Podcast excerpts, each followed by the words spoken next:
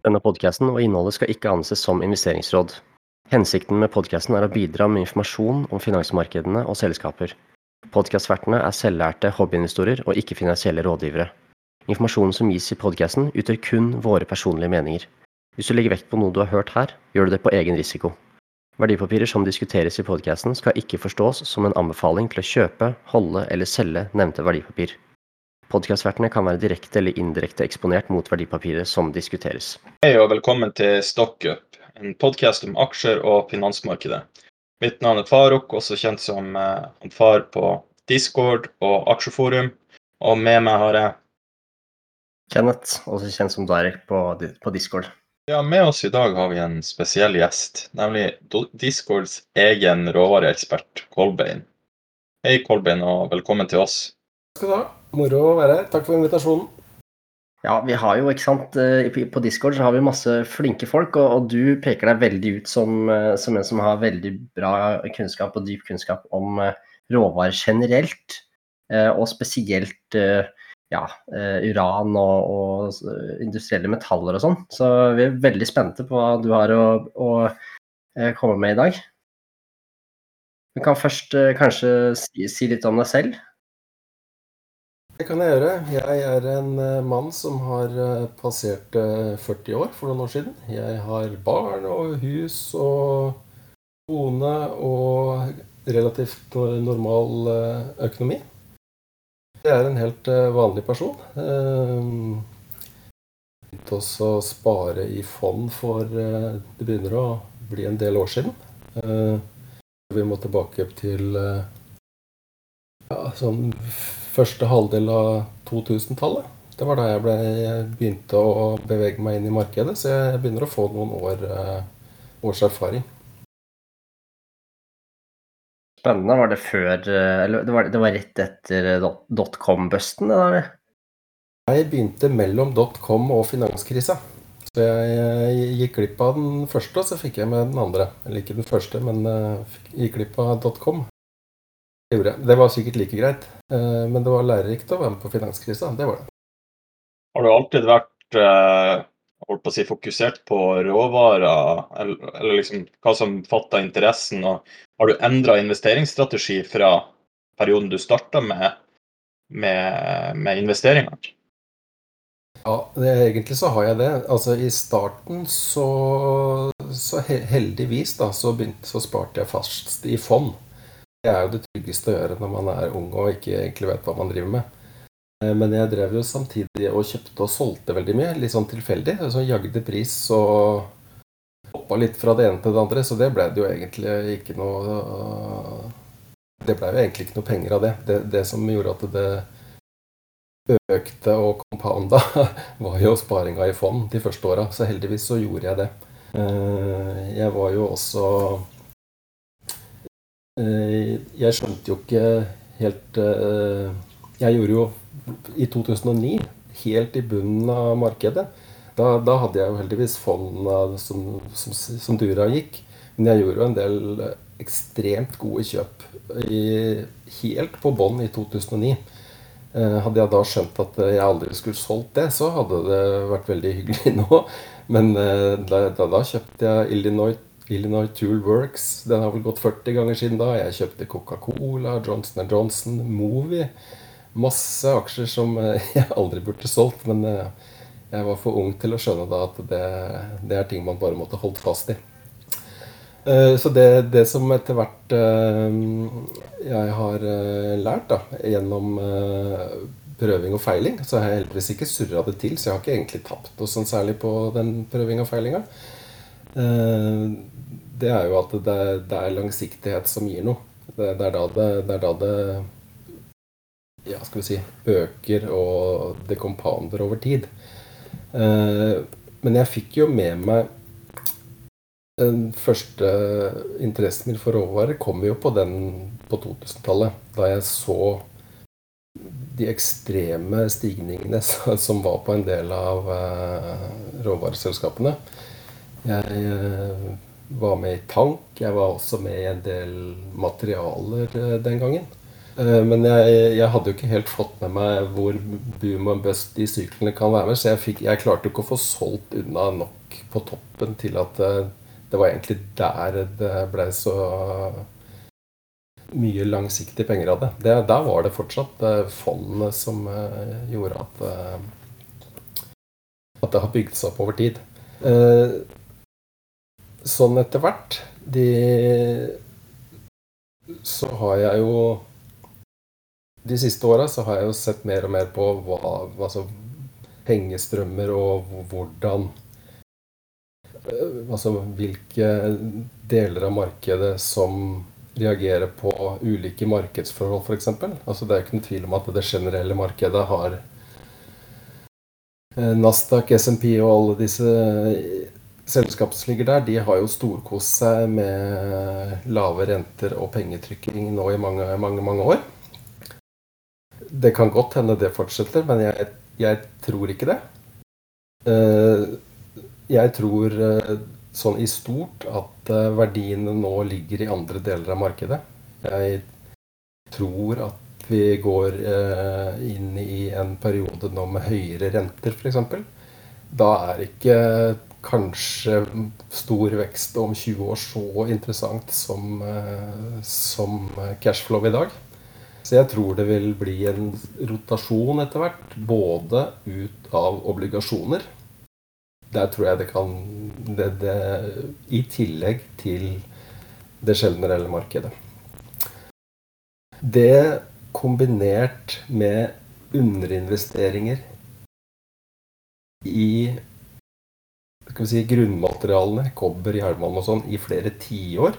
I mange tiår. Og kanskje ikke like mange, lang tid, men også underinvesteringer i olje nå i flere år, gjør at jeg tror vi kommer til å få en rett og slett kjempeproblemer på tilbudssiden med, i, med, med råvarer sånn i stort.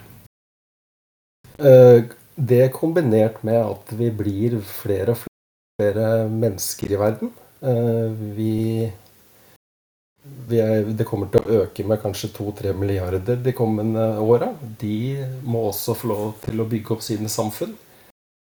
Og, og, og komme opp eh, og nærme seg den levestandarden vi har i, i det som er Vesten. Og jeg tenker at eh, det vil være urimelig om ikke de skal få lov til å bruke de samme billige energikildene som oss til å bygge seg opp. Det, jeg tror ikke det er mulig å ha et fornuftig eh, industrisamfunn uten billig energi. Så det gjør jo også at jeg tror at uh, de standardkildene som er olje, gass og kull, har en lysende fremtid. I motsetning til hva mange andre tror. Og det gjør jo at uh, jeg har jo Jeg så på Tok en liten oversikt over porteføljen min nå. Så jeg ser jo at jeg har ca. 80% av porteføljen i råvarer. Eh, litt sånn spredd rundt over eh, olje, gass, elmetaller eh, og mer Altså de kjernematerialene. En god del av det er i kjernekraft og uran, som jeg tenkte jeg skulle si litt mer om. Og så har jeg også noen grunnposisjoner i noen eh, store kvalitetsselskaper, som jeg ser det. F.eks. Ja, Johnson Johnson, Visa, McDonald's, Coca-Cola. Eh, så det, det, er det som utgjør porteføljen min nå. Og så har jeg tenkt til å bygge videre på det. Og jeg tenker at det kan eh, Det kan kan ha mange, ja, noen tiår eh, foran seg med vekst. Jeg må jo selvfølgelig se an litt eh, hva som skjer på råvarefronten. Det, det, har jo en tendens til å, å slutt, stoppe der også. Så noe av det må jeg jo selge etter hvert. Eh, og noe av det er litt mer spekulativt. Eh, så der må jeg jo jeg blir jo nødt til å selge. Men, men hoveddelen er også da i, i, større selskaper som, skal, som tåler en trøkk litt bedre. I olje og gass f.eks. Og, og noen av de Eh, minerne som jeg kan nevne litt mer etter hvert. Da tenkte jeg at jeg eh, kunne gå, skal gå litt over til en, liksom, en, en ordentlig nisje. Som er der jeg har altså til, til, å være relativt spekulativt, så har jeg en ganske stor prosent eh, allokert til eh, kjernekraft, og da spesifikt eh, uran. Uran er jo da drivstoffet, altså fuelen til kjernekraftverk. Det er det som er eh, Det er brenselet, rett og slett, til kjernekraftverk.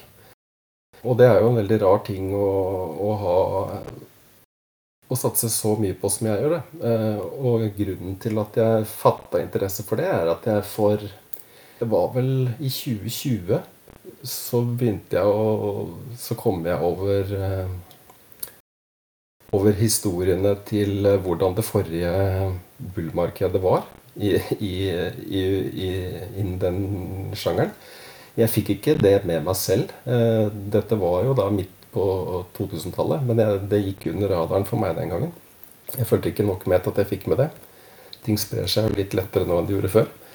Eh, det, det, var ekstreme gevinster. Jeg tror ikke det er noe realisme i å få det like bra nå. Eh, men som et eksempel kan jeg si at det beste selskapet fra topp til bunn gikk 10 000 X.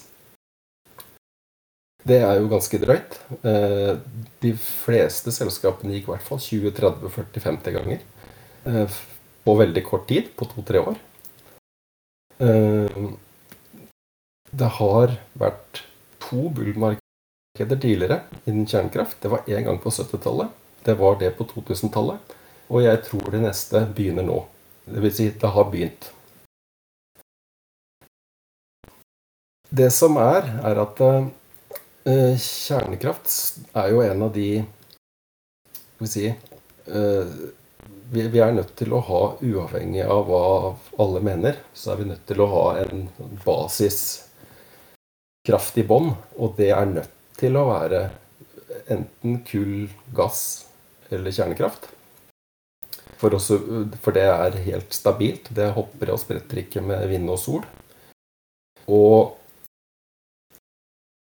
etter at uh, det markedet fikk en ordentlig trøkk i 2011. Da det var en ulykke i, Japan, i Fukushima. Da var det jo da var det et kjernekraftmerk som, uh, som stoppa ned i forbindelse med en uh, Det var en naturkatastrofe. Det har jo vist seg i ettertid at det, det var jo ikke noe problem med det kjernekraftverket. Det stengte ned, og det var jo ikke noe ulykker eller noen ting, men det ble oppfatta sånn av verden ellers. Japan stengte ned alle sine kjernekraftverk. Tyskland valgte jo også sin strategi, som har etter hvert blitt eh, kjent, med å gradvis stenge ned sine kjernekraftverk. Så det har vært en sånn politisk eh, motvind og frykt i befolkningen siden den gangen. Men det er jo da ordentlig i ferd med å snu det er eh, eh, Det er jo et godt eksempel også hva som skjer da, eh, når man stenger ned kraftverkene i Tyskland nå, og ser, ser hvordan det går. Men det er en politisk medvind. Det er Det bygges i både i den vestlige verden, men særlig i, i, i Asia, så bygges det er det, er det planlagt, og det bygges veldig mange kjernekraftverk. Både store, tradisjonelle, og det planlegges også å sette opp eh, det som kalles uh, altså small module reactors, som er vesentlig mindre kjernekraftverk som kan settes opp på litt mer avsids, uh, avsidsliggende steder for å gi energi f.eks. til en eh, landsby som ligger utenfor allfarvei, for å slippe å bygge opp infrastruktur eh, fra et eller annet kjernenett et annet sted. Så, så, så det, da er vi litt lenger frem i tid, men det er en, det er en medvind nå for, eh, for um, Eh, for kjernekraftverk. Eh, og da utvinning av uran, som, som, jeg har så tro på at jeg har investert for meg en betydelig del av, eh, av min portefølje i det. Det har vært grunnen til at det, altså at det ser ut til å snu nå. eller det, at ja, det har jo for så vidt snudd, det er jo på vei. dette bullmarkedet, det er at det har vært overskuddskapasitet fra forrige, fra forrige sykkel, for å kalle det sånn. Det har, det har vært håpløst for de gruveselskapene som har holdt på. Det har jo ikke vært Altså, kraftverkene har jo ikke hatt behov for å bestille nevneverdig med brensel på, på lang tid. Det har vært Så det har Lagrene har blitt tømt nå siden 2011 og fram til omtrent Ja, omtrent fram til nå. Men nå er det jo ting som tyder på at det ikke er nevneverdig med lager altså med, med, med råstoff igjen. Og per nå skal vi si, Dette er jo da et marked der det er ikke bare å slå opp et sted og se hva som er av lagre. Det er jo jeg, Det var det jeg har funnet ut av fra, fra, fra ressurser som jeg tror vet hva de snakker om. Så produserer vi nå ca. to tredjedeler av nåværende forbruk. Og det er jo da ikke med den, den veksten som, som, som, er på, som, er på, vei. Og, og, det gjør jo at det må komme ny produksjon på banen. Og det er jo her problemet ligger. Prisen er ikke høy nok til å, at det er insentiver til å Eller ja, det er rett og slett ikke økonomisk forsvarlig å få i gang nye gruver med nåværende priser. Og det er der, eh, det er der eh, investeringsmuligheten ligger, sånn som jeg ser det. Eh, det er ja, altså, prisen altså det, er et, et spotmarked, og så er det et kontraktsmarked innen kjernekraft. Og spotprisen nå, altså det ligger Jeg vet ikke om det er på rundt 57 uh, uh, LBS. Altså det, det Hvordan det måles spiller for så vidt ikke noen rolle. Men vi er kanskje 20-30% unna å nærme oss de nivåene som må til for, å, for at det skal være mulig å på en forsvarlig måte Eh, få finansiert nye prosjekter. Og forrige altså det, er et veldig tynt marked. Det er ikke mange produsenter her. Det er eh, stor produsent i Kasakhstan, eh, Og så er det egentlig bare én annen stor vestlig produsent i Canada, som er Cameco. Og så er det resten er eh, juniorer. Eh, som enten leter etter uran eller har noe som kan bli en gruve. Og så er det litt produksjon fra noen andre. Og så er det noen private selskaper. Og så er det noen av de større selskapene som BHP som har det som et biprodukt. Men det er et syltynt eh, marked. Og det er der muligheten ligger. Eh, det tenkte jeg kunne ta litt mer da, om den, det som er, den, eh, er om Kameko eh, spesielt. da. Siden det er det, det eneste egentlig ordentlige for å si det sånn, ordentlige selskapet innen den kategorien her. De har Altså, de, de produserer i dag, men de produserer veldig lite. De har, de har jo kontraktsforpliktelser fra forrige sykkel. Men de velger, så langt det lar seg gjøre, å spare egne reserver til det blir høyere priser. Så de har eh, levert ved, via å kjøpe i spotmarkedet og selge faktisk eh, til lavere priser enn de kunne fått eh, ved å produsere fra egne, fra egne reserver. Så de vurderer jo da helt opplagt at uh, her er det en oppside som gjør at det ikke er verdt å bruke av egne reserver. Uh, og markedet er så tynt at det som ga gnisten til det forrige uranmarkedet, var en, en oversvømmelse i en av Cameco sine gruver. kombinert da med at finansielle spillere kjøpte opp alt av inventar, så gikk jo prisen bananas den gangen. Og det er jo noe sånt som fort kan skje igjen. Eh, men det blir for så vidt bare spekulasjon. Cameco er en, en investering som der. De har kjente reserver. De, kan, de sier selv at de er i samtaler og er i ferd med å egentlig eh, kontraktsforplikte det meste av det de har av reserver de kommende årene. Så det gjør at Jeg vet jo at mange er glad i å se på tall og prøve å analysere selskaper. Men når man ser på tallene til Cameco, så, så, får man ikke det til å gå opp. For det, det, det ser jo ut som det er så overprisa som det kan få blitt. Men, men det, men det er, det, det, altså Forutsetningene ligger ikke i regnskapet PT.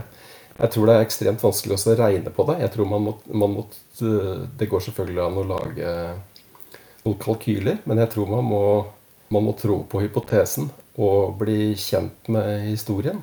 Eh, for å, å eventuelt investere i det. Det er jo også, eh, som jeg nevnte, da, det eneste eh, selskapet med en, en viss størrelse. Så det er jo det opplagte valget også til større spillere å, å investere i. Så mens, eh, mens, de fleste aksjene og selskapene i sektoren har gått nedover nå det siste ja, året, eller noe, så har Cameco egentlig bare dura gått jevnt og trutt. Eh, ja, nest, egentlig siden, siden, mars 2020 så har det nesten gått opp 1% om dagen, for å overdrive litt. Det er jevnt og, eh, jevnt og trutt kjør, antageligvis fra større, fra større spillere. I tillegg så Det jeg ikke har nevnt, er at eh, det er eh, ekstremt vanskelig eh, å få gruver i, i, produksjon. Så det at noen finner uran, det betyr jo ikke at det er noe rett rundt hjørnet. Det kan gå ti år fra man finner noe til, til det kommer noe opp, opp, av jorda. Og så er det også øh, for å få det øh, ja, forenkla litt, for å få det klart eh, som eh, brensel til eh, et kraftverk, så må det prosesseres gjennom flere Altså gjennom Det må raffineres og prosesseres og gjøres klart. Mye av den kapasiteten er jo selvfølgelig i Russland. Ikke selvfølgelig, men det gjør det jo veldig knotete for oss i Vesten. Eh, så det er jo da en del av eh, industrien i Russland som PT ikke er sanksjonert. For det, da ville det jo blitt katastrofe, rett og slett. Eh, på den måten at da, da hadde vi ikke fått uranen klart som, som brensel til kraftverkene her. Cameco planlegger, eller er i ferd med også å kjøpe opp et annet selskap, som altså Westinghouse det er, et, eh, det er et annet selskap som dekker en annen del av hele sykelen. De, de leverer kjernekraftverk, eh, i hvert fall komponenter til det. Service, vedlikehold og oppgraderinger av eksisterende anlegg. Og det betyr jo De forventer selv at det kjøpet blir godkjent og går igjennom i løpet av året. Men det er det jo ikke, råder de ikke helt over selv. Eh, men det gjør jo at eh, da er plutselig Cameco et potensielt veldig spennende industriselskap å, å, holde i lang, lang tid. Og kanskje ikke bare gjennom en sykkel. Det, det, det gjenstår å se. Det må jeg se på selv også, hvordan det utvikler seg. Jeg eh, kan bare nevne kjapt også at jeg har investert også i en, en del av enkelte andre juniorer. fordi eller jeg vil si at jeg spekulerer i noen juniorer. Cameco er en investering. Eh, juniorer er, eh, er mer en spekulasjon. Der jeg til en viss grad satser på at pengestrømmer skal løfte alle båter, sånn som sist. Det er For de som er interessert i dette markedet, så er det ganske enkelt etter hvert å, å finne instrumenter og investere i. Det fins flere ETF-er som, som, dekker uran. å få med alle disse her. Både Cameco og, og juniorene. Så der bør det være potensial til ordentlige, ordentlige bevegelser for, oppover for de som er interessert i sektoren. Det skal jo sies at det, ikke, det går jo ikke bare oppover. Det kan jo også gå nedover. Man, det er for de som tåler at det svinger litt ekstra. Særlig Sprott Eh, har eh, noen kjente ETF-er. Sprott Uranium Miners og Sprott eh, Junior Uranium Miners. Jeg tenkte jeg skulle nevne også kjapt også edelmetallene.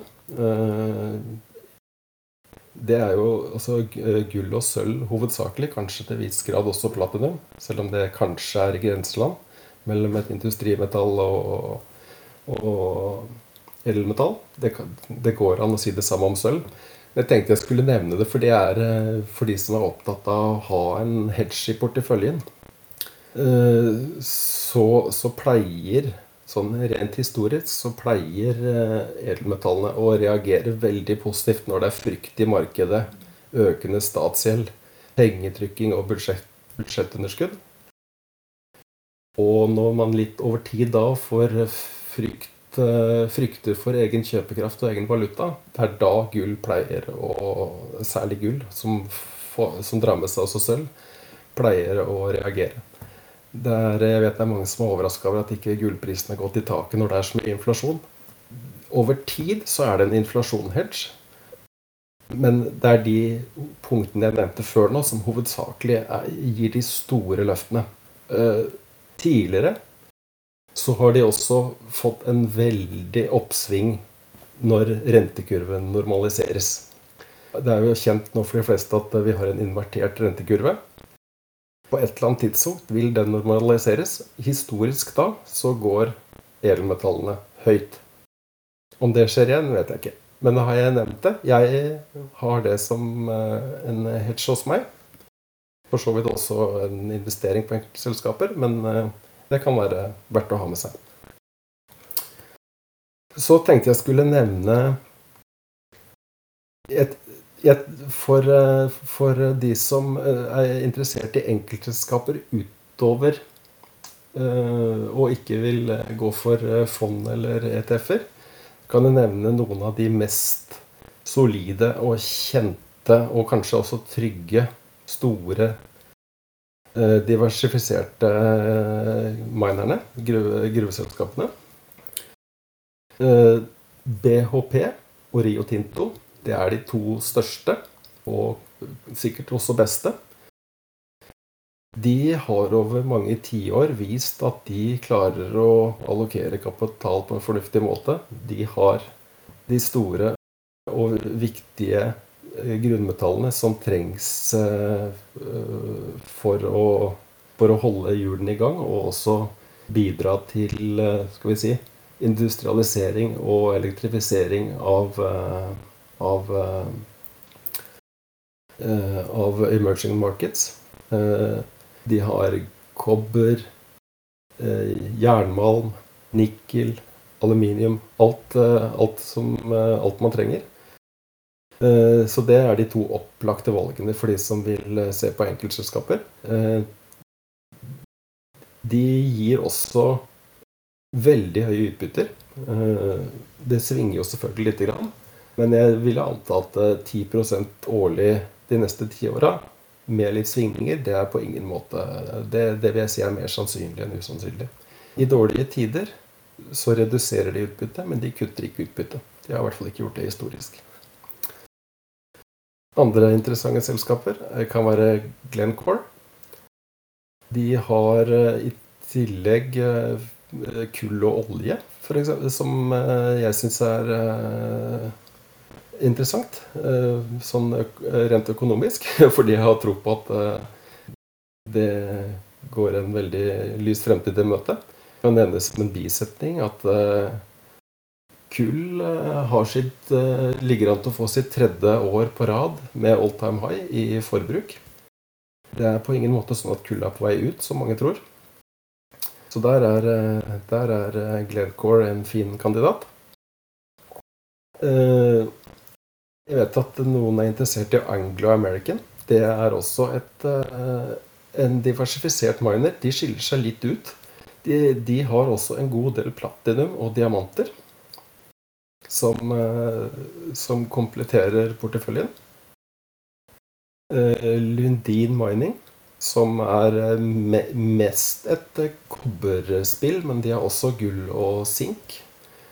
Og Lundin Mining det er et selskap med veldig solid ledelse, som har gjennom mange, mange tiår vist at de klarer å holde på uavhengig av sykler, altså uavhengig av sykler. Dette har de gjort i ti, flere, flere tiår De har ikke betalt utbytte bestandig. De begynte å betale utbytte for en del år siden. Eh, og det er det all grunn til å tro at de vil fortsette med. Eh, Southern Copper, veldig solid, eh, også stor diversifisert miner. De har mye kopper, også andre, andre ting. De betaler også solid med utbytte. Eh, den er vanskelig å få kjøpt, for kursen går ikke så mye nedover. Eh, av de jeg har nevnt her nå, så er det BHP og Rio Tinto som er, eh, som er de største posisjonene mine innen den sjangeren her. Fyller gjerne på mer. Jeg tror det er veldig trygt og godt å ha det fremover. Jeg har også Glencore. Av de andre jeg har nevnt, Eh, så, så, har jeg det ikke enda. Jeg, eh, mens jeg har forberedt meg litt til den samtalen her, så ser jeg jo at både Anglo-American, Lundin og Southern Copper eh, naturlig hører hjemme hva det jeg burde ha. Så jeg får se litt hva jeg, hva jeg gjør, om jeg må stokke om litt på noe. Men det er, det er, det er fine selskaper å ha hvis man, hvis man liker, liker utbytter og selskaper som klarer å allokere kapital og være med på, på syklene, og også overlever gjennom til neste sykkel hvis det blir problemer. Eh, for de som ikke ønsker å gå i enkeltselskaper, så fins det masse fond og ETF-er som, som, dekker egentlig alt vi har eh, snakka om nå, og, og andre ting. Um, så det, det, bør være gode muligheter. Selv har jeg også faktisk spareavtale på, på noen fond som, som, dekker disse tingene her.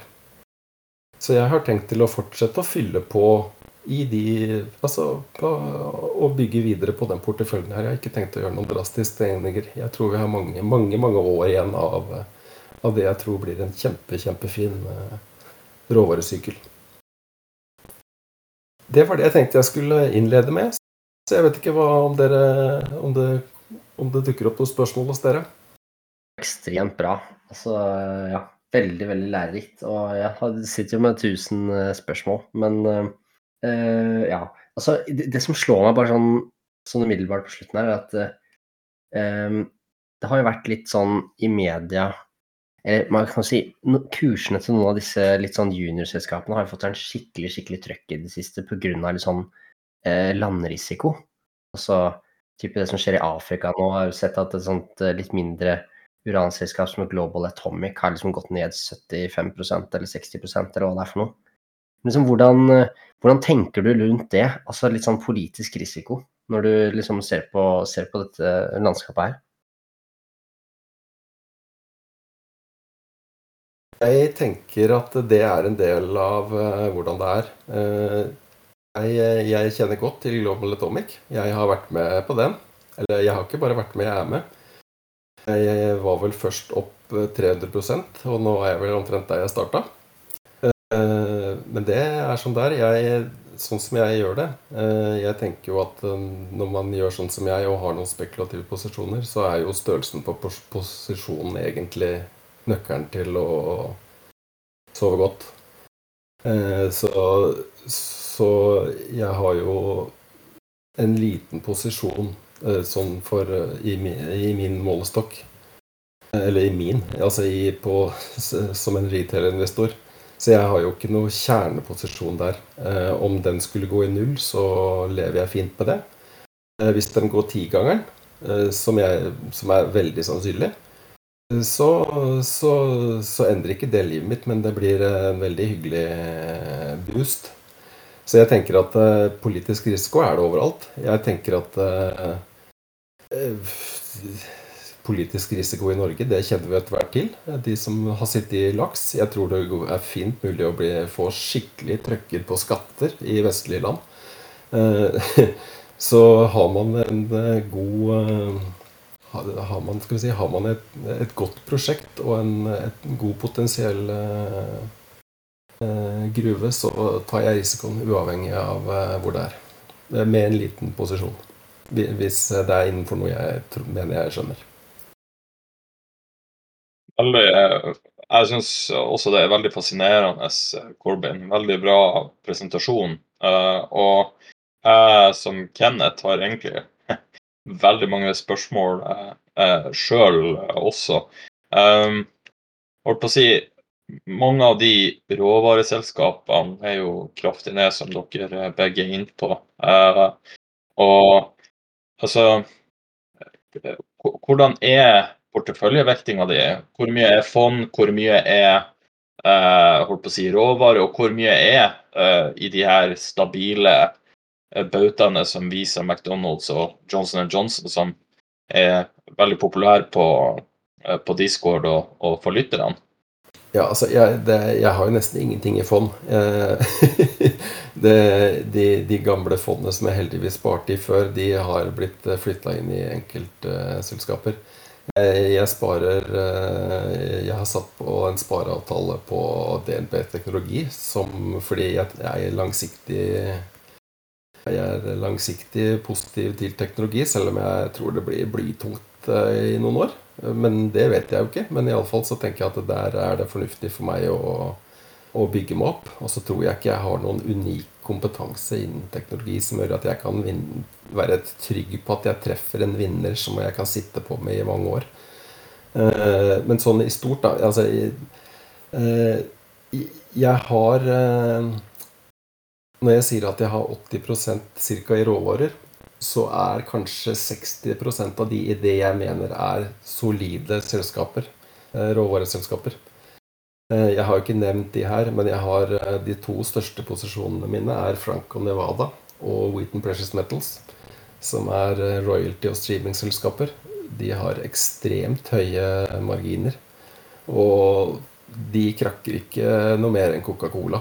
Eh, altså det er så solide selskaper som har inntekter fra ja, De er ikke helt like, men de har fra gull, sølv, platinum, kobber, olje, kobolt. Så de, de, jeg vurderer de til å være veldig trygge og stabile. Så, så, så sånn alt i alt så tenker jeg at minst så er nok 50 eh, av totalen min innenfor det jeg kaller stabilt.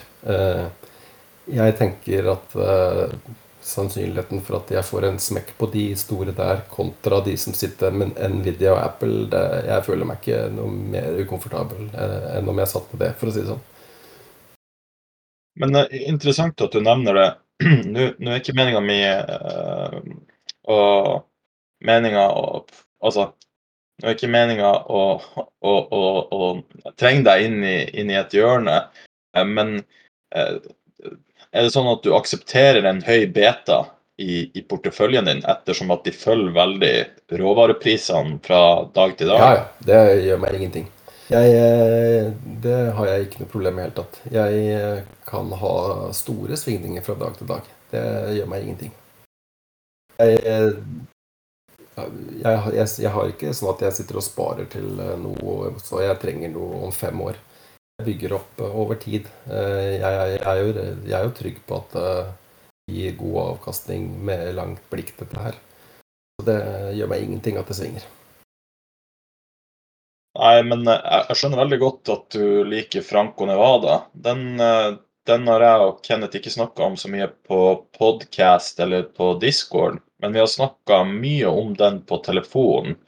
Eh, og eh, profit margins er jo helt fantastisk. Og, sånn at jeg ikke har misforstått deg litt tidligere. Du, du nevnte litt i forhold til gullprisen og inflasjon. At, at, det er lurt å egentlig eksponere seg mot gull. Men eh, eh, vil du være enig i denne tesen at gullprisen vil ikke stige før, før de korte rentene har fått en knekk? For det er jo litt sånn Warren Buffett sier at gull alene genererer ikke cashflow, men har du penger i, i renter, så får du jo en, en, en cashflow. Skjønner du hva jeg mener? Mens gull alene produserer jo ingenting. Ja, nei, det er jeg helt enig i. Eh, men det er jo en cashflow fra, fra selskaper som produserer gull. Eh, men eh, når, sånn til spørsmålet ditt altså, det, jeg, tror, jeg tror ikke det blir noe kjempestort rykk i gull før det skjer et eller annet med renter. Eller at Ja, eller det vil og kanskje lavere dollar. Det vil antageligvis henge sammen. Men jeg tror ikke hvis alt Hvis markedet har hallelujastemning i flere år videre nå, så blir jeg overraska hvis det blir noe kjemperespons i, i gullprisen. Men, men gullselskapene kan Altså gull- og sølvprodusentene de, de, de, har egentlig god nok det er høye nok priser på edelmetallene til at eh, kursene egentlig burde vært eh, vesentlig høyere. Så det, det er en sånn mismatch. Pengestrømmene har eh, Det er ingen som er interessert i de akkurat nå. Så. Jeg er helt enig i faktisk resonnementet ditt. Og det er det jeg skulle frem til, at ikke kanskje lytteren tenker å, Colbain investerer i syntetisk gull, som på en måte skal gjenspeile gullprisen, men du, du, du, kjøper faktisk en produsent, en som henter ja, ut gull, ikke sant? Eh, og det jeg egentlig har, eh, har da mest i, er jo da Det er jo egentlig et, en, en, egen investeringsgruppe som jeg ikke nevnte. Det er jo royalty- og streamingselskaper som Franco Nevada og Wheaton Precious Metals er. For det er ikke gruveselskaper, det er finansieringsselskaper som, som enten har kjøpt en royalty, så de høster en prosent av all, all fremtidig produksjon, eller en stream der de har avtalt en, en, en eh, kjøpspris som de får levert eh, metaller, eh, altså metaller, til. Så, så, det, så det, de har jo, sånn, sånn som Franco Nevada, de, jo, de har jo haugevis av prosjekter som de har pengestrømmer fra. Så de, de, de, slipper jo den operasjonelle risikoen eh, å sitte og drifte egne gruver. Og de, de, ikke, de har jo bare noen få, noen få, ansatte. Så de har jo ikke noe trøbbel med inflasjon. Inntektene er rett og slett fra, fra topplinja til eh, produsentene som sliter, og, mens Franco Nevada sitter og høster fruktene på toppen. Så det er, det er jo det er en helt unik forretningsmodell. Eh, som da gjør at det selskapet så å si aldri kommer ned på fornuftig prising. Men jeg har kjøpt det likevel. ja, jeg tror, jeg tror, det nærmeste er vel Royal Gold som kommer Franco Nevada. Ja, det er, eh, det er, eh, det er noen kjempe det er, det er, skikkelig kvalitetsselskaper. Kjempehøy marginer og ren kvalitet, og ikke noe frykt for inflasjon. Som jeg har sagt, som jeg nevnte. Altså, de har, de har inntekter som kun baserer seg på produsentenes topplinje. Så de slipper da marginskvisen til gruveselskapene som sliter med høyere lønnskostnader, høyere særlig og drivstoffkostnader, ikke minst. Det går kolossalt med energi for å drive. Uh, gruvedrift. Så det, det, er, det, er, unik, det er en unik, altså det er unike selskaper som er dyre av en grunn. Vet du, Corbyn, eh, mens du svarte, så måtte jeg smygtitte på profit margin til Franco Nevada. Og da snakker vi faktisk Visa-nivåer. 54 profit margin. Det er jo helt sykt. Det som er interessant med det selskapet, er at det faktisk er bygd opp eh, fra én royalty for mange, mange tiår tilbake. Royaltyene har, jo, de har, ikke en, de har ikke en begrensning på tid. Så de traff veldig godt. Og det var, det var en gruve da som viste seg å ha vesentlig større reserver enn man trodde. Så det hele selskapet har bygd seg opp, og de har fortsatt inntekter fra ja, det er vel fra 70-tallet, tror jeg. Og så har det jo balla ganske greit på seg siden den gangen da, til å være noe ja, premiumselskap, rett og slett. Mm. Ja, ikke sant. Jeg så et intervju med han, eh, en som var med å, founde Frank Onvada, Pierre Lassand, er det det han? Han uh, Ja. snakka om det at de så leste i avisa at, de, at det var noen som ville selge en royalty på Goldstrike Mine for to millioner dollar. Og jeg tror det er kanskje millioner i året eller noe sånt. Så det var jo en bra return on invested capital, for å si det sånn. Den er vrien å slå. Ja, det er ikke mulig. Nei, det- Men uh, det her var jo kjempeinteressant. Kan jeg, kan jeg, kan jeg holdt på å si jeg vet at du og Kenneth er enige om mye av det. Jeg skal la Kenneth komme til, men, men det, det, det, det er to ting jeg ikke ville gi helt slipp på før jeg lar han ta over. Og jeg har egentlig gleder meg sinnssykt til denne episoden, spesielt for å po poke your brains a little. Og uh, du har sett den der uh, Oliver Stone-filmen, den der dokumentaren 'Nuclear Now'? Ja. Uh, Jeg syns den var kjempebra. Mye av det visste jeg fra før, og det anbefaler jeg alle lytterne egentlig å, å se uansett om du eh, vil investere i råvarer eller ikke. Eh, Veldig, veldig interessant. Eh, Og du nevnte de her eh, small eh, modular reactors, da. Og finner du ikke det litt i- Så, Altså, jeg, jeg, jeg, sjøl vurderte Cameco. Men, men prisinga eh, på en måte har, har stoppa meg, så jeg har gått til olje. Men jeg jeg har sett litt på historiske data eh, og forberedt meg litt til denne episoden. Og jeg så f.eks. at oljeselskapene eh, trada på rundt P50 til 100 på 70-80-tallet. Så jeg skjønner at det ikke er rart at Kameko er på høye nivåer nå. Den er vel på 200 P. Men er du ikke redd for at politikerne vil smarte Altså, de driver jo med svartmaling av kjernekraft. Eh, Og vi vet jo alle sammen, og det visste jo Oliver Stone også, at oljeselskapene driver med sverting av kjernekraft for ja, deres egen eh, inntjening. Er, er du ikke redd for at eh, Selvfølgelig.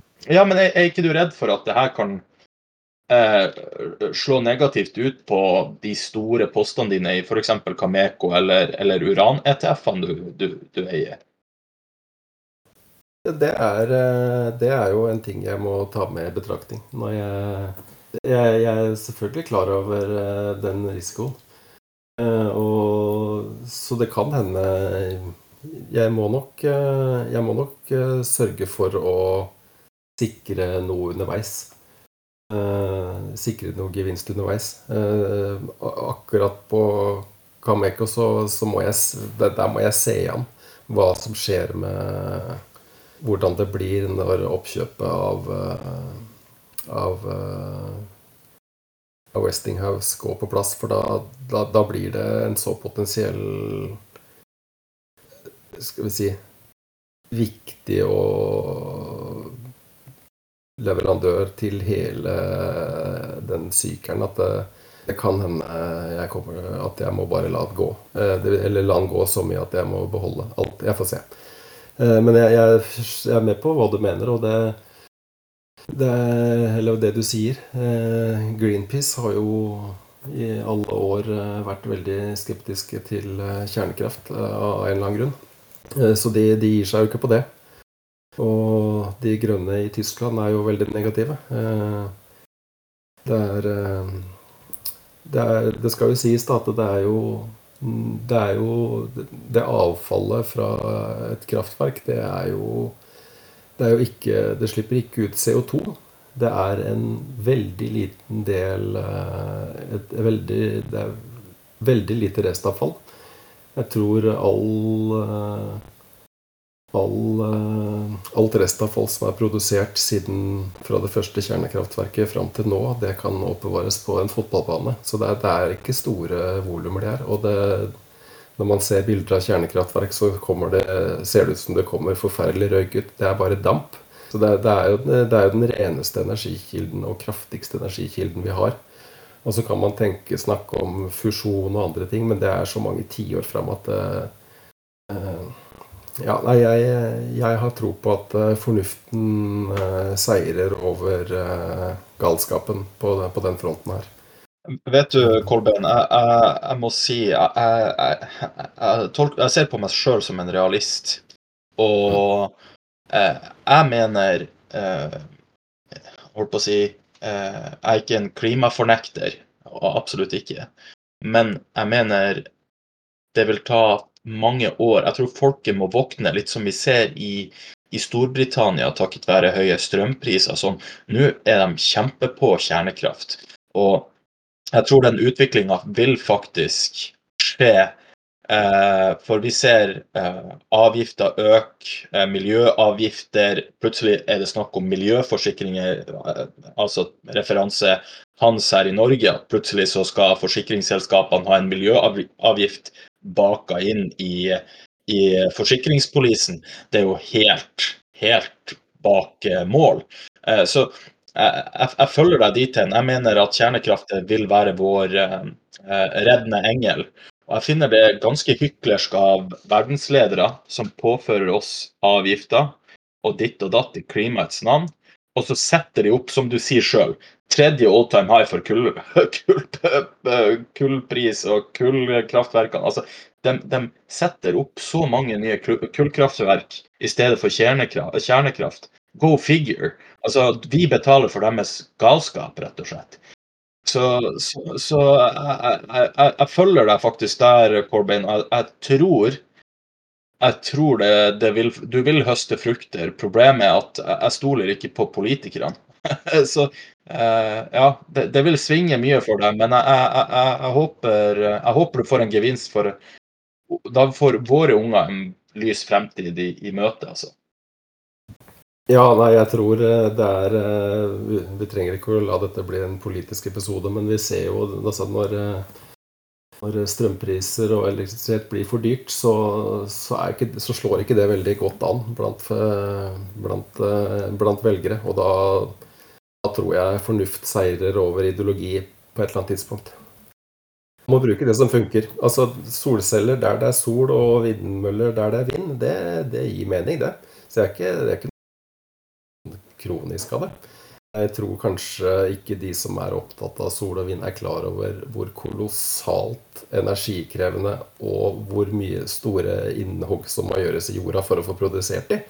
Og de er jo ikke resirkulerbare heller, så hvor miljøvennlige de egentlig er, det kan sikkert diskuteres. Men, eh, men jeg, noe, jeg har jo produsenter som leverer det som trengs for å produsere både solceller og vindmøller. Og jeg, så jeg, har gått til eh, jeg er i kjernen, der, der, ting trengs uansett.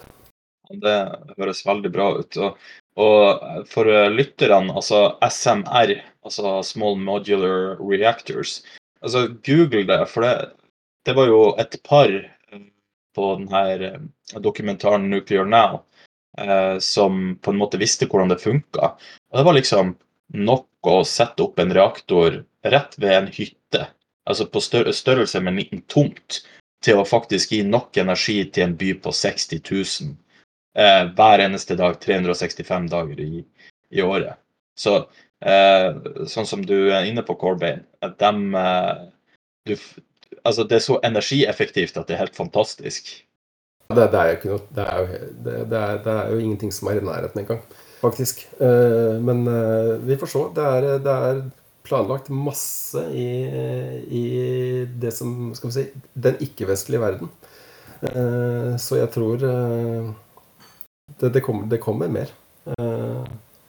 Eh, så, så, er det ting så det er mange planlagte nedstengninger rundt omkring i Europa og USA som ikke stenges likevel. Det, det, det, vinden er i ferd med å stu til en viss grad, så jeg er, jeg er ikke så redd for politikere som, som du er inne på her. Men man vet jo aldri. Det er selvfølgelig en risiko. Men, men, vi i Europa er jo litt mer utsatt enn Nord-Amerika og, og, og, Asia. Altså, eh, jeg, håper, jeg, håper, jo at det blir kjernekraft her, og, og altså mer fokus på det. Men eh, som sagt, vi skal ikke lage en politisk eh, debatt av det. Men kan jeg stille deg et spørsmål? Hvorfor investere i noe som er så syklisk? Og eh, det er jo ingen hemmelighet at det er jo politikere som kommer til å på en måte eh, gi rom for eventuelt vekst eller stagnasjon. Men hvorfor ikke investere i mer i ja, Visa, McDonald's og og Franco Nevada for den saks skyld? Ja, nei, det er et godt poeng. Altså, grunnen til det er at uh, jeg uh, Jeg mener at uh, oppsiden er vesentlig større. hvis jeg kan selge si, urandelen av porteføljen min en eller annen gang når det, hvis, For å si et tall Hvis alt har gått tregangeren, flytte det over i visa som har ligget stille, da har jeg økt min eh, verdi. Det er sånn jeg tenker. At jeg skal flytte de sykliske tingene over i eh, og Avisa et litt eksempel. Eh, McDonald's. Eh, jeg tror, det spørs hvor mye jeg får putta. Visa må vesentlig lavere før jeg putter mer inn. Men planen er å rotere en del syklisk inn i de kjerneselskapene mine. Når tiden er riktig, så får jeg se når det blir. Jeg, og, og alle, alle, aller, aller, siste spørsmål fra meg, fra meg så, som jeg er nysgjerrig på. Eh, hva, hva, gjør at du vurderer én aksje fremfor en annen innenfor råvarer? Det har ikke jeg peiling på, men jeg tenkte det var kanskje litt spennende å høre hvordan du reflekterer rundt, eh, rundt akkurat det. Det er eh, Jeg, jeg tenker nedsiderisiko, så jeg prøver å velge selskaper Eh, enten som er diversifiserte, eller har eh, unik ledelse. Helst begge deler, selvfølgelig. Men eh, det er det som eh, må til. Eh, det er, det er en, altså akkurat eh, olje og gass er noe annet, men, men, gruvedrift er Det er egentlig en forferdelig bransje. Det er så mye som kan gå galt. Det er nesten Det er, det, det, det er veldig kapitalintensivt. Det kan få masse Det er oversvømmelser, ras, eh, lønnskostnader, skyhøye energikostnader. Altså Det er så mye som går gærent. Politikere. Alt, alle jobber mot det. Så det å ha noen som er i stand til å dra det i land og holde det gående så det, Ofte så tror jeg kanskje menneskene er viktigere enn prosjektene. Eh, så som jeg nevnte Lundin i stad eh, de har over mange mange tiår eh, vist at dette er noe de kan. Det er ikke det et selskap jeg har per nå, men det er jo et sånn typisk selskap som jeg Hvis jeg skal ha noen flere innen den kategorien, så er det en opplagt kandidat. Ærlig. tusen takk, Corbyn. Jeg må si at Det er, det er liksom, det er liksom for å høre en norsk versjon av Rick Rule, Corbyn. Altså, det, det, er så sykt mye du kan. Uh, nei, altså, ja, jeg, nå vet du tydeligvis hvem Rick Rule er. Eh, jeg, jeg, det er jo en av de jeg følger med på. Eh, og, og, med, og til en viss grad også stoler på hva han mm. sier. Eh, han har ikke han har ikke noe egeninteresse i stort lenger av de tingene han sier. Så jeg, jeg, jeg, jeg, hører hva han sier og gjør litt egen research, men det, det veier tungt, det han mm. sier. Det, det er ingen tvil om. Tenk på han, eh, han gikk heavy inn på Global Atomic tenker jeg, nå eh, de siste ukene. Han liker å kjøpe ting på, på salg. Det skulle ikke forundre meg. Han, han, var jo også det. Det er jo han som har 10 000 X-historien fra forrige marked. Ja, sant. sant. Jeg syns det var veldig, altså, veldig interessant, men jeg har bare et par spørsmål. Jeg lurte på den derre, ikke sant eh, eh holdt jeg på tilbudssiden i, på, på, kjernekraft, altså på, på, uran. Der har jo den derre Altså Sprott har satt opp den derre Sprott Uranium Trust, hvor de har kjøpt er ikke det sånn at de har kjøpt uran og så stæsja det et eller annet sted, ikke sant? Og så sitter de på det så, som på en måte Ja, som om du skulle lagra gull, på en måte. Uh, Veit du noe om Har du satt deg noe innom hva slags Altså hva slags regler de har for eventuelt når de skal realisere, eller om de ikke skal gjøre det, eller ja, kjenner du til det? Ja, altså det, det er bra at du, du, tar opp det, fordi det, det her Det fondet der Jeg tror jo det kanskje er, kommer til å være en vesentlig del av det som gjør at dette markedet her kommer til å ta helt av. Det, er jo da et fond som rett og slett uh, har én ambisjon, og det er å kjøpe uran. De har ikke noen vedtekter som sier at de skal selge. Altså Hvis prisen faller, så skal de ikke selge. Eh, de har jo Eh, Spotprisen gikk vel fra 35 til 60 eller noe for et år siden. Ikke så lenge etter at de ble eh, børsnotert. Eh, det, der er det også likviditet nok til at store spillere kan kjøpe. Eh, den, den Jeg vet ikke hva vi skal kalle det. Om vi skal kalle det fond, eller hva vi skal kalle det. Eh, hedgefond. Det er, det er et børsnotert eh, selskap. Eh, men de der, der, der, er det likviditet nok til at store eh, investorer kan kjøpe mye. Og når de, når de kommer eh, Altså skal vi si når de ligger langt nok unna Altså når de har likviditet som overgår likvideringsverdien av inventaret sitt, så kjøper de fra der det er mulig å få. Så de, de, var jo med på å støvsuge det som var igjen av spotmarkedet. Så nå er det jo omtrent ikke noe igjen. Eh, det, det som kommer derfra, er eh, litt herfra og derfra. Altså BOP, som jeg nevnte, de har det som et biprodukt. De, og de satser per nå ikke noe mer på det. De inngår ikke noen kontrakter med noen. De dumper det bare i spotmarkedet. Så det er litt grann tilsig i, i markedet der. Men, eh, men jeg tror at etter hvert som det Hvis det går sånn som jeg ser for meg, at eh, det er et av de produktene som kommer til å skvise prisen skikkelig opp. Det var det som skjedde forrige eh, bullmarked. At eh, finansielle spillere satte egentlig kraftverkene, eller de kjøperne av råstoff, i, i sjakkmatt. Så da gikk jo prisen fra ja, Den gangen var det vel kanskje fra 12-13 til 140. Å, dæven. Ja, det, gikk, og, det, og, det, var da, ja, da, gikk, da gikk jo det faktisk flere selskaper 50X på et, eh, et, år. Eh, men det er klart, da var det jeg, jeg sitter ikke med sånne forventninger. Altså, jeg er ikke Så urealistisk er jeg ikke. Men jeg tror det i hvert fall kan bli jeg, jeg, tror at jeg kommer til å få en del forespørsler om uran om et par år. Med de som ikke kjøpte nå. og da må jeg begynne å selge, tror jeg. ja, ikke sant. Når frisøren spør om du skal kjøpe Cameco, det er da du, det er da du Da selger du? Da tror jeg jeg blir nødt til å selge. Sånn buss, bussholdeplassen her, plakat. Ja. Kjøp uran nå! Hvordan få eksponering? Da, da, ja, da er Kolbein ute. Da må, jeg, da må jeg si takk for vel, og så får jeg la de siste prosentene gå. ja, ikke sant. Det er veldig Nei, da, det, det, men det er i hvert fall noe det, folk bør eh, For de som er interessert i uh, uh, noe som med skikkelig potensielt futt i, så er jo dette et alternativ. Men man må jo da tåle svingninger. Som sagt, Global Atomic jeg tror jeg var opp 300% og nå er jeg på null. Det, det er bare sånn det er.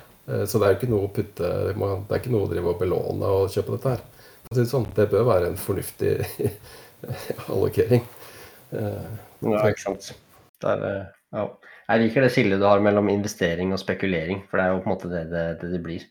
Det er ikke så mange forutsetninger, forutsetninger, som må på plass for at det skal Men det er veldig sånn jeg, Altså jeg, jeg syns det er veldig interessant, for at eh, jeg senser at på en måte når man skal verdsette tingene, så er ikke det så lett, og, og du har vært innom det og sånn, men det, det, henger kanskje sammen med det du nevnte innledningsvis, å, å følge pengestrømmene. Det er som når, peng, når kapitalen forlater en hel sektor, det er, liksom, det er da det begynner å bli interessant. Og så må man ha tålmodigheten. Ja, ja, nei, det er jo sånn at uh, hvis, uh, det, hvis man Jeg lever godt med at uh, Nasdaq durer og går oppover, jeg, mens jeg ligger flatt. Jeg får jo fine utbytter da, mens jeg venter. Det, eller jeg sitter ikke og venter aktivt, men det, det, er jo også derfor jeg har valgt å gjøre det litt sånn som jeg har gjort, med store, for meg, posisjoner i BOP og Rio Tinto. Da vet jeg at uh, uansett hva som skjer, så kommer det minst OK utbytter. Og så kommer det ganske sannsynlig skikkelig OK utbytter. Uh, og det gjør det jo også Det gjør jo at jeg sitter ikke og ruger på en svær pengepott og venter på en resesjon. Det, det, gidder jeg ikke. Uh, kan, jeg tror det kommer en resesjon, det gjør det alltid. Men om det blir om et halvt år eller tre år, er klin umulig å vite.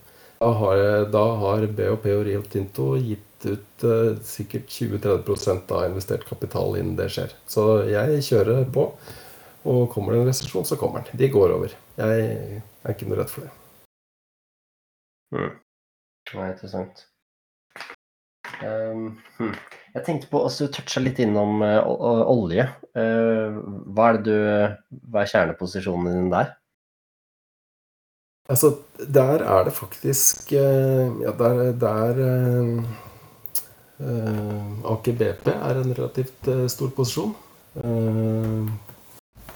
Exxon er en OK posisjon. Jeg er veldig komfortabel med Exxon. Jeg kunne egentlig godt tenkt meg å ha hatt mer. Canadian Natural Resources, det var jo til og med etter tips fra fra, fra dere, holdt jeg på å si. Eh, veldig solid selskap, eh, som jeg gjerne også putter mer i. Eh, når det gjelder eh, så, så, store selskaper som Exxon, det, altså de, de, har jo vist over så mange år nå at de vet hva de driver med. De, de, har, de, har, er det 30 milliarder eh, i gjeld låst i lave renter. Med en kasse cash-posisjoner som ligger på høyere rente. Så de ligger jo der som en bank, i tillegg til at eh, pengene spruter inn fra produksjon. Både fra olje og gass. Så det er jo ekstremt uh, solid. Eh, så det er vel de største posisjonene jeg har. Jeg er ikke redd for å Jeg kommer helt sikkert til å øke i disse også når, eh, når det er riktig for meg. Eller når jeg har Ja, når det passer. Corbin, vi, vi har jo chatta masse av det. Uh, altså hatt dialog. Og jeg pleier jo å komme og spørre hva du tenker om selskapet. Det er tydelig at du også er uh, hvordan skal jeg si, verdiorientert. Og husker du uh, jeg, jeg, tror det var forrige uke eller denne uka så spurte jeg deg om eh, EOG Resources og. Oasis Petroleum. Når, når, du ser sånne type oljeselskaper, hva, hva, er det som gjør at du jeg, jeg, sliter med å, å, å, velge mellom de to, men hva, hva, er det som gjør at du på en måte velger å ha Aker BP, Canadian og, og eh, Var det Exxon du sa? Ja, nei, altså det, jeg, jeg, har, jeg, har, noen andre også. Nei, altså det, Akkurat når det gjelder olje og gass, så, så, mener jeg at det er så mye å velge mellom at uh, Altså, de, altså de, de som du, du, nevnte der nå, de spruter jo cash, og de er jo jeg vil si de er jo direkte under uh, Altså, de er billige. Kjempebillige. Eh, jeg tror uh, sektoren, olje- og gassektoren generelt nå har hatt en nedtur fordi alle har forventa en resesjon. Det kan jo godt hende den kommer, men, uh, men, det gjør jo at de kan jo gå to, to ganger og fortsatt ikke være sånn kjempedyr, sånn som jeg ser det. Så ja, det, det, er selskaper jeg kan finne på å kjøpe, det òg, altså. Eh, jeg må si det. Jeg, det, av alt jeg har snakka om nå, så er det vel nesten olje og gass. Jeg, jeg, har vel ikke egentlig brukt nok tid på det, for det er litt mer kjent. Men det er vel nesten det jeg er tryggest på. Olje og gass. Altså, det, det, det, er så mye cash. Og da er om, om etterspørselen faller bitte litt en periode, da det, det er jeg ikke noe redd for i det hele tatt. Tilbudssida er så strupa. Politikerne gjør alt de kan for å ikke få mer produksjon enn når det virkelig drar seg til. Eh, så jeg er veldig trygg på olje og gass eh, hvis man har litt lange briller på. Jeg, jeg liker resonnementet ditt. og For uh, olje er veldig syklisk. Og, og, når jeg ser en graf over denne brentolje, nordsjøoljen, så uh, hvis vi tar et snitt på et femårig chart, så er faktisk oljeprisen på 80 dollar. Og vi vet alle sammen at de verste store oljeselskapene har en eh, holdt på å si, produksjonskostnad på mellom 35 og 40. Så ja, du har helt rett. Alle spruter cash. Selv om vi er ned fra 120 i, i, i fjor, 120 dollar fatet, og ned til hva det er, 83 nå, så, så er det, det er pe eh, pengemaskiner, rett og slett. Ja, og det, den energidelen i SMP 500 f.eks. er vel nesten på historisk lavt nivå nå. Det, det, tror jeg ikke kommer til å være det samme om eh, x antall år. Si sånn. Da tror, vi, da tror jeg det har eh, gått ned mer mot normalen. Da, da, tror jeg det er helt andre, helt andre kurser ute og går. Selv om det selvfølgelig svinger. Men det, jeg, det er ikke jeg noe bekymra for. Jeg bryr meg ikke om det. Nei, Nei, jeg, jeg ser den, og, og, og, det er derfor på en måte jeg sjøl eh, driver og chatter litt med deg angående råvarer og oljeselskaper og sånn. Jeg fikk eh, for så vidt EOG Resources-tipset fra Tricky når jeg spurte han hva han syntes om Oasis. Og eh, holdt på å si alle lyttere får gjøre sin egen research, men eh, en av de der skal absolutt inn hos meg. Og jeg er litt sånn der eh, blitt påvirka av min gode partner Kenneth her. For eh, Oasis Petroleum har jo nylig fusjonert. Men det, det, er jo ikke et stort selskap, og den kan gå fem-ti-gangeren. Jeg fatter ikke at et oljeselskap som genererer så mye cash, kan gilde 9% i en nedkonjunktur, som du sier, for alle har forventa en resesjon. Så det er jo en gullgruve. Ja, nei, det er jo mange fond og sånt som nå holder seg utenom eh, og skal ikke så det, det, det, er noen pengestrømmer som akkurat nå kanskje mangler.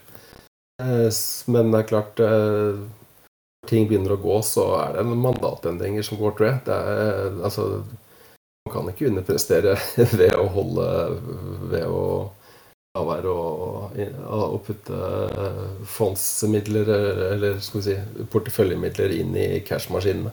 Så det, det tror jeg bare er et tidsspørsmål før eh, før det snur. Ja, som du sier, det, altså, de, de, kan gå mange X uh, uten at det hadde vært noe rart i hele tatt. Men kjenner du til han Mike Meloni?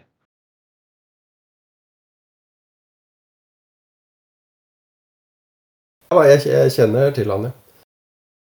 Ja, for jeg vet ikke om uh, dere har uh, hørt det, men det var en som er sånn Han er veldig flink på det med gull. Og han hadde et intervju i, uh, ja, i tidligere i år med en uh, som jobba i gruvebransjen, og han sa at hele bransjen holder på å dø ut, og at lønnskostnadene, som du egentlig nevnte, uh, stiger enormt fordi at det er ingen som kan drive gruving lenger av unge folk som skal inn i, i, i, i den sektoren, altså i, innen gruvearbeid. Er, er, det noe som du tenker vil endre seg og kan føre til potensielt enda økte råvarepriser, fordi at det er såpass få folk som er spesialisert innenfor utvinning av gull, kobber, eh, sølv, you name it. Liksom. Ja, det er jo et kjempepoeng. Jeg tror eh, det kan selvfølgelig gi noen kortsiktige utfordringer. Det gjør jo bare at eh, altså, dette er jo eh, så kobber, det klarer vi oss ikke uten. Hvis eh, prisen må doble seg på kobber, så må det til. da, Hvis det er det som eh, må, at, eh, som må til for at selskapene skal klare å få, få, få ny produksjon. Vi har, vi har snakka om uran noen ganger, og der er det jo enda mer ekstremt. Det, det fins ikke mange team som har klart å få en gruve i drift der, for å si det forsiktig. Så det, det er jo også det er også noe å se etter hvis man leiter etter noen investeringer innen, innen, innen, uran. Det er virkelig ikke mange som har klart å finne og få noe i produksjon. Det er det ytterst få. Det er, ja, det er mange år siden eh, det var eh, inn. Men det gjelder jo hele, hele, hele industrien. Så det, jeg tror det bare vil sende prisstopp. Men, om, om, men om margin, altså hva som skjer med marginen til selskapene, det vil jo variere.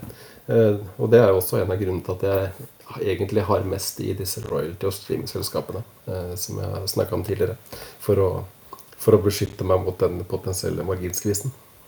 Ja, ikke sant. Det er veldig behagelig å sitte på, royalty, eh, på royalty-siden av bordet. Du er bare eksponert mot topplinje.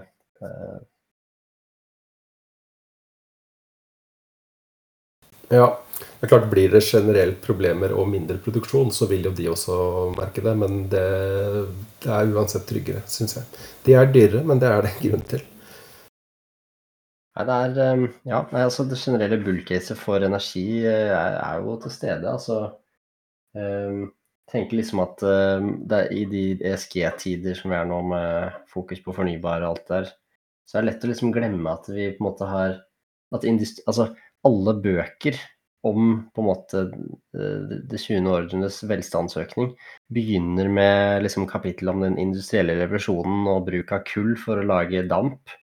Um, og det er jo en grunn til det. ikke sant? Det er billig, og de er veldig energieffektivt. Og så sant, fant vi jo gass og olje, og sant, så ble det jo enda bedre. Um, og det har jo bygd den moderne verden.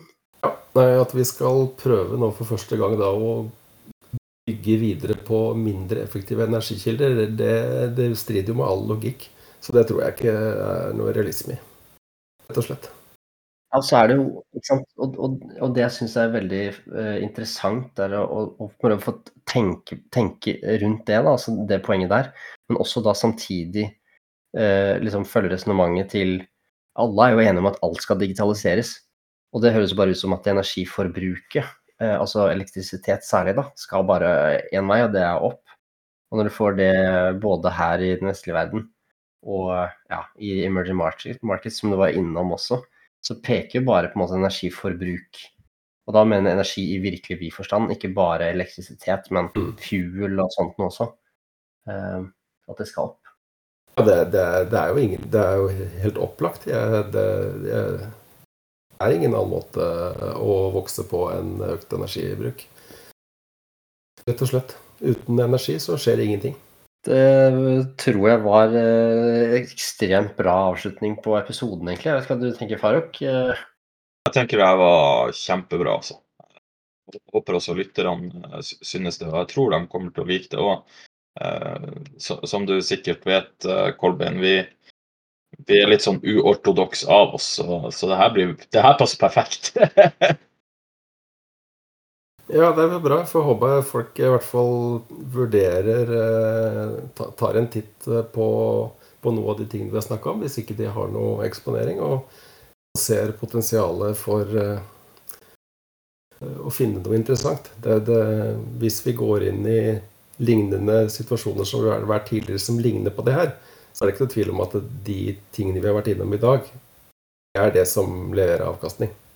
Hvis vi, hvis vi nærmer oss eh, tilsvarende perioder tidligere med litt økte renter og, og tøffe tider, da er det råvarer og edelmetaller som gjelder, faktisk. Kjempebra. Nei, men uh, Vi håper at uh, lytterne har uh, storkosa seg, som både jeg og, og, Kenneth har gjort. Og så får folk bare lytte til holdt på å si, rådene du har kommet med, Kolbein, og så er du jo tilgjengelig på discorden. Ja da, bare å ta kontakt. Bare hyggelig, det.